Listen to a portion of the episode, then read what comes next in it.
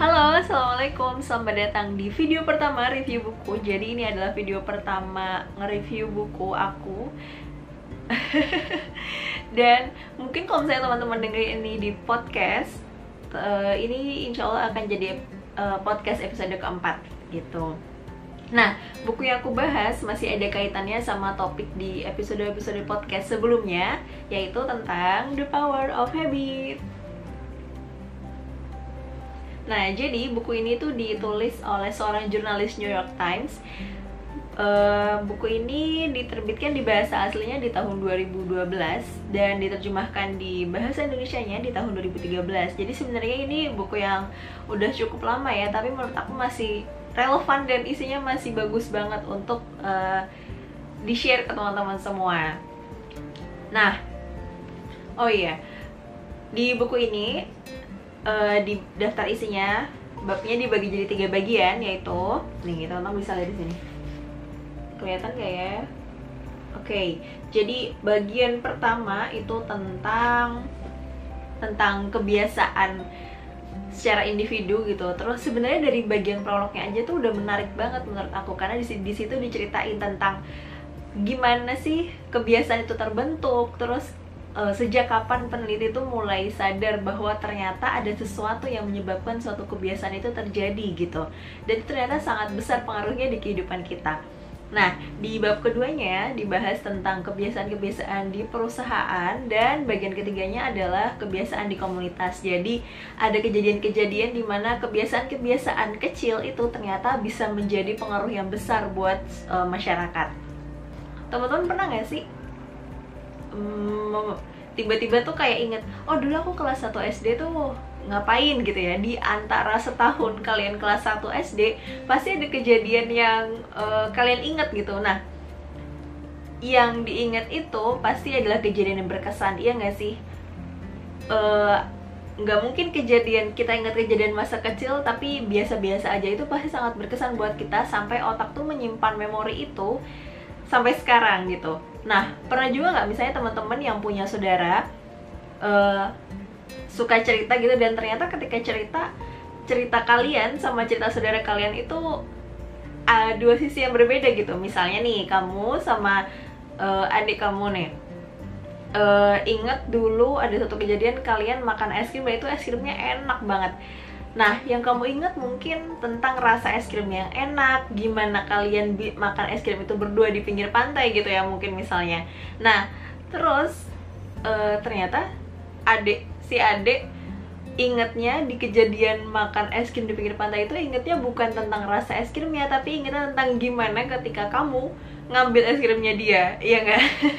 jadi yang diingat oleh kita tuh adalah hal yang berkesan buat kita dan bisa jadi yang kita ingat itu nggak utuh. Nah jadi di buku ini di bagian pertamanya tuh dijelaskan jadi ada ada dua orang yang menjadi um, menjadi awal mulanya riset-riset tentang kebiasaan itu dilakukan jadi yang pertama ini di inis eh, diberi diberi inisial nama inisialnya EP dan yang kedua HM. Nah, eh, perbedaan dua kasus ini yang HM ini ketika suatu bagian otaknya berubah dia benar-benar lumpuh. Jadi hal-hal basic seperti makan berjalan itu udah nggak nggak udah lupa gitu. Jadi sampai nggak bisa gitu. Nggak bisa melakukan itu. Nah yang menarik adalah di kasus EP ini. Jadi di seseorang bernama EP ini uh, beliau sudah usia 70 tahun ketika terjadi sesuatu ini. Nah setelah operasi ternyata seolah dia sehat-sehat aja. Tapi ternyata dia lupa kejadian 30 terakhir di hidupnya. Jadi jadi si ini dia kehilangan 30 terakhir 30 tahun terakhir ingatannya. Jadi yang dia ingat cuma masa mudanya aja. Dan itu itu 30 tahun terakhir yang tidak dia ingat itu termasuk hal terbaru. Jadi kayak misalnya dia ketemu dokter dia udah lupa dokter itu siapa. Dia bahkan lupa uh, kalau anaknya tuh udah besar gitu. Dan macam-macam. Nah yang menarik adalah gimana caranya dia bisa tahu uh, kegiatan-kegiatannya gitu. Jadi ketika diamati ketika misalnya dia bangun tidur otomatis dia buka lemari makanan terus makan sesuatu sesuatu makanan yang dia suka duduk di depan uh, di depan TV gitu menghabiskan makanannya terus kalau misalnya dia kebelet gitu ya dia tahu letaknya kamar mandi tapi ketika misalnya ditanya sama peneliti coba dong gambar denah rumahmu. Dia tuh nggak bisa gambar nggak ada ingatan di benaknya dia tentang denah rumahnya dia. Tapi di sesi wawancara itu dia tiba-tiba uh, ke pengen kamar mandi langsung jalan aja ke kamar mandi gitu. Jadi dia bisa jalan ke kamar mandi tanpa tahu tanpa ada denah rumah di otaknya gitu. Nah karena kasus yang unik ini akhirnya peneliti meneliti kehidupannya dia gitu ya. Sampai akhirnya dia meninggal dan ini menjadi uh, gerbang awal penelitian-penelitian tentang kebiasaan. Nah, ada nih bagian dekat pusat tengkorak uh, ukurannya kecil itu adalah ganglia basal. Nah, menurut penelitian ganglia basal inilah yang mempengaruhi uh, yang menyimpan seluruh kebiasaan rutinitas-rutinitas yang kita lakukan setiap hari. Sadar nggak sih teman-teman kalau misalnya semua kejadian yang teman-teman lakukan dalam satu hari itu adalah sebenarnya kumpulan dari kebiasaan. Mulai dari ketika misalnya kalian bangun otomatis jalan ke kamar mandi atau misalnya ketika makan otomatis tangan itu mengarah ke mulut. Nah itu adalah kebiasaan-kebiasaan kecil yang membantu keberjalanan hidup kita gitu. Nah kenapa sih ada kebiasaan? Karena itu sebenarnya adalah mekanisme otak untuk menyederhanakan uh, biar kita tuh nggak perlu mikir untuk melakukan sesuatu kegiatan yang sebenarnya udah sering kita lakukan gitu ini ada positifnya sih jadi positifnya ya tadi jadi kita nggak perlu mikir untuk berjalan kaki kita nggak perlu nggak perlu berpikir untuk cara berlari dan sebagainya. Nah, tapi negatifnya nih, uh, ketika misalnya kebiasaan itu sering terjadi, terus ada sesuatu yang berubah, kadang tuh kita lengah karena kita sudah terbiasa melakukan hal yang sama. Jadi ketika ada variabel yang berbeda, kita kaget gitu. Nah, contohnya nih, sederhananya kayak gini. Misalnya kamu terbiasa ngeluarin uh, motor dari garasi sambil mundur. Karena itu sering, jadi kamu sampai nggak perlu ngecek ngecek spion lagi untuk mundur karena kamu tahu biasanya juga tinggal gini doang gitu ya mundurin motor dan selesai. Nah tapi misalnya ada satu kejadian di mana uh, ketika kamu mundurin motor tiba-tiba ada uh, motor tetangga yang lewat dengan kencang cing gitu.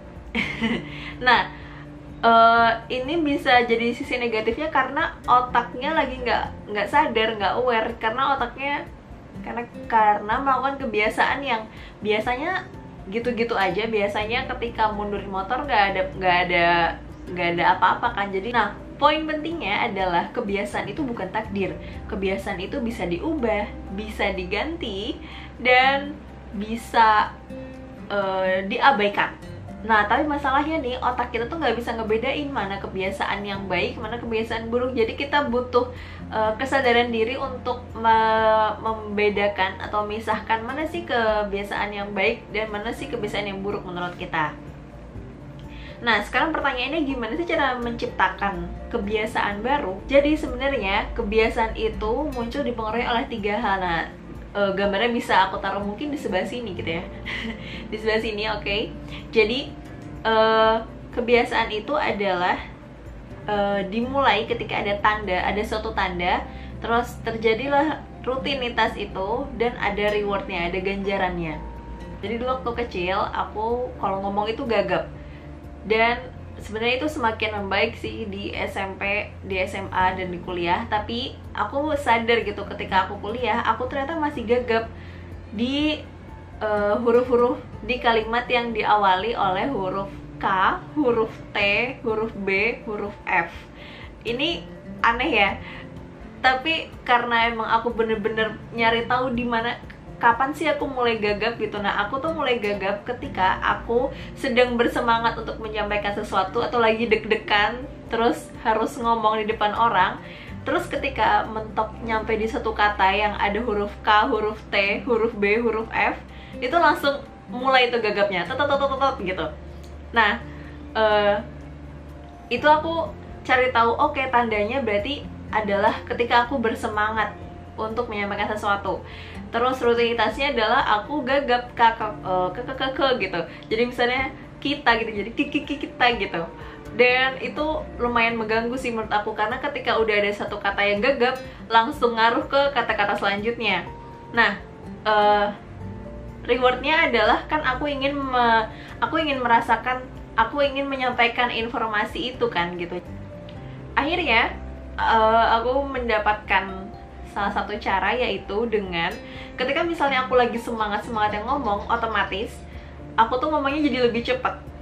Dan sering kali aku tuh nggak ada jeda jadi sampai kehabisan nafas gitu. Jadi ngomong gitu nah karena aku udah aware sama diri aku udah sadar jadi ketika misalnya aku udah mulai temponya makin cepat oh aku langsung oke okay, bentar lagi nih kayaknya aku bakal gagap nih oke okay, pelanin tarik nafas kasih jeda ngomongnya gitu nah alhamdulillah akhirnya udah jadi lebih baik dan menurut aku sih sekarang udah nggak terlalu sering muncul gagapnya jadi ada kalimat yang aku suka di buku ini.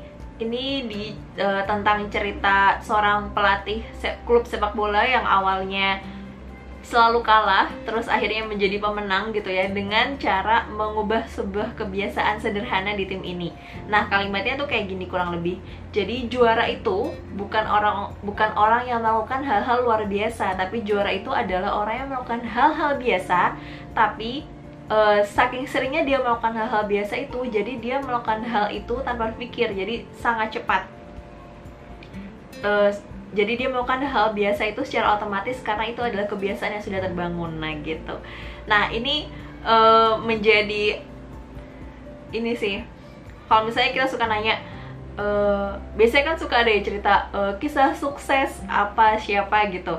Dan kalau dilihat sebenarnya isinya tuh kegiatannya uh, nggak aneh-aneh gitu loh. Misalnya kayak bangun pagi olahraga makan sehat gitu ya. Itu kan hal-hal sederhana ya. Tapi karena mereka melakukannya itu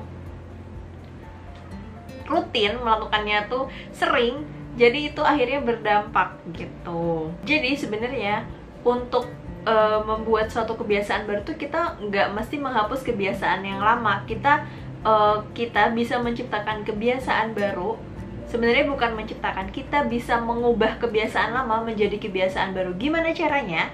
Dengan kan kita udah tahu nih tandanya rutinitasnya seperti apa rutinitas ini kebiasaan yang ingin kita ubah. Nah terus uh, rewardnya apa? Nah dengan mempertahankan tandanya yang sama, rewardnya yang sama, tapi kita coba ubah rutinitasnya. Jadi misalnya kayak tadi, kalau misalnya tanda buat aku ketika aku bersemangat untuk menyampaikan sesuatu, ketika aku bersemangat untuk ngomong, terus rutinitasnya biasanya aku gagap, terus aku ganti jadi tarik nafas dulu, terus ngomongnya pelan-pelan dan ada jedanya. Nah, baru uh, rewardnya apa rewardnya aku punya perasaan lega gitu ketika sudah menyampaikan sesuatu. Nah ini yang jadi PR besar adalah gimana caranya kita mengenali tanda-tanda yang ada. Jadi ada empat hal nih yang bisa teman-teman lakukan setelah mendengar episode ini dan melihat episode ini. Yang pertama adalah, ini bisa disingkat jadi ICTS I-nya adalah identifikasi rutinitas, eh, identifikasi kebiasaan yang pengen teman-teman ubah Terus C-nya adalah coba-coba reward. Jadi coba diganti rewardnya. Kalau misalnya rewardnya adalah makan snack, teman-teman bisa ubah jadi minum air putih misalnya. Dan ICT, T-nya adalah temukan tanda. Nah ini agak PR ya, temukan tanda tuh memang kadang kita nggak sadar apa sih yang membuat apa sih yang memicu kita melakukan kebiasaan itu gitu. Nah S-nya adalah susun rencana. Jadi ICTS itu bisa teman-teman lakukan, bisa coba sendiri gimana caranya mengidentifikasi kebiasaan-kebiasaan teman-teman.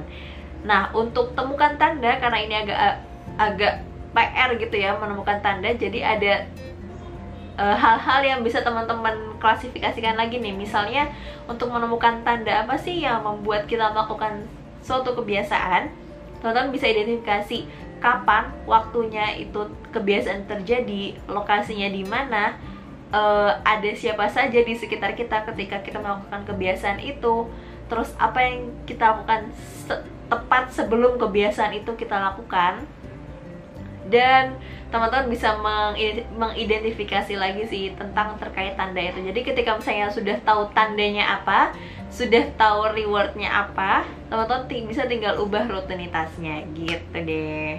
Nah, selain lingkar kebiasaan tadi, ada uh, ada hal yang mendorong terjadinya lingkar kebiasaan itu yaitu ngidam uh, atau keinginan yang menggebu gitu untuk melakukan sesuatu itu untuk mendapatkan reward tadi. Jadi ngidam inilah keinginan yang kuat inilah yang mendorong terjadinya lingkar kebiasaan. Nah, hmm, sebenarnya untuk mengubah kebiasaan itu selain kita mengenali tandanya, mengenali rewardnya dan mengubah, mencoba mengubah rutinitasnya, ya ini ternyata nggak cukup. Ternyata kita juga untuk benar-benar menciptakan suatu atau mengubah suatu kebiasaan jadi kebiasaan yang lebih baik, teman-teman butuh kekuatan dalam dirinya, kekuatan untuk berubah dan kepercayaan terhadap diri sendiri bahwa kita tuh bisa berubah menjadi lebih baik. Nah, ini dua hal ini yang kadang kurang dilakukan oleh orang-orang.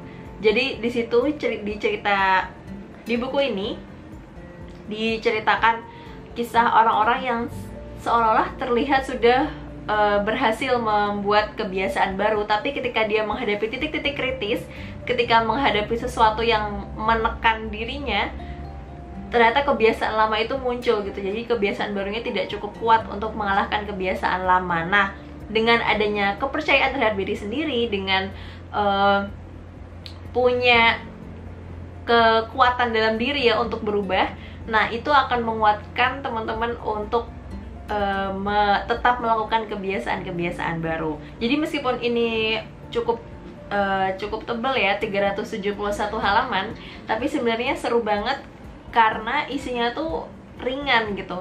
Ada banyak cerita-cerita nyata yang dikaitkan sama penulisnya tentang kebiasaan itu dan menurut aku benar-benar membuka wawasan aku terhadap kebiasaan gitu. Jadi kalau dulu aku mikirnya kebiasaan tuh ya ya ya udah tinggal diubah gitu. Ternyata ngubahnya ada poin-poin penting yang perlu kita ketahui dan kita bisa belajar dari kisah-kisah nyata itu gitu. Terima kasih sudah mendengarkan dan semoga kalian bisa baca bukunya langsung. Rekomendasiin banget. Ini gampang banget ada di toko buku kok dan uh, sampai jumpa di episode review buku berikutnya. Kalau misalnya teman-teman punya rekomendasi buku apa yang mau direview atau punya uh, saran untuk memberi nama segmen review buku ini, boleh banget kasih tahu aku ya. Dadah, assalamualaikum.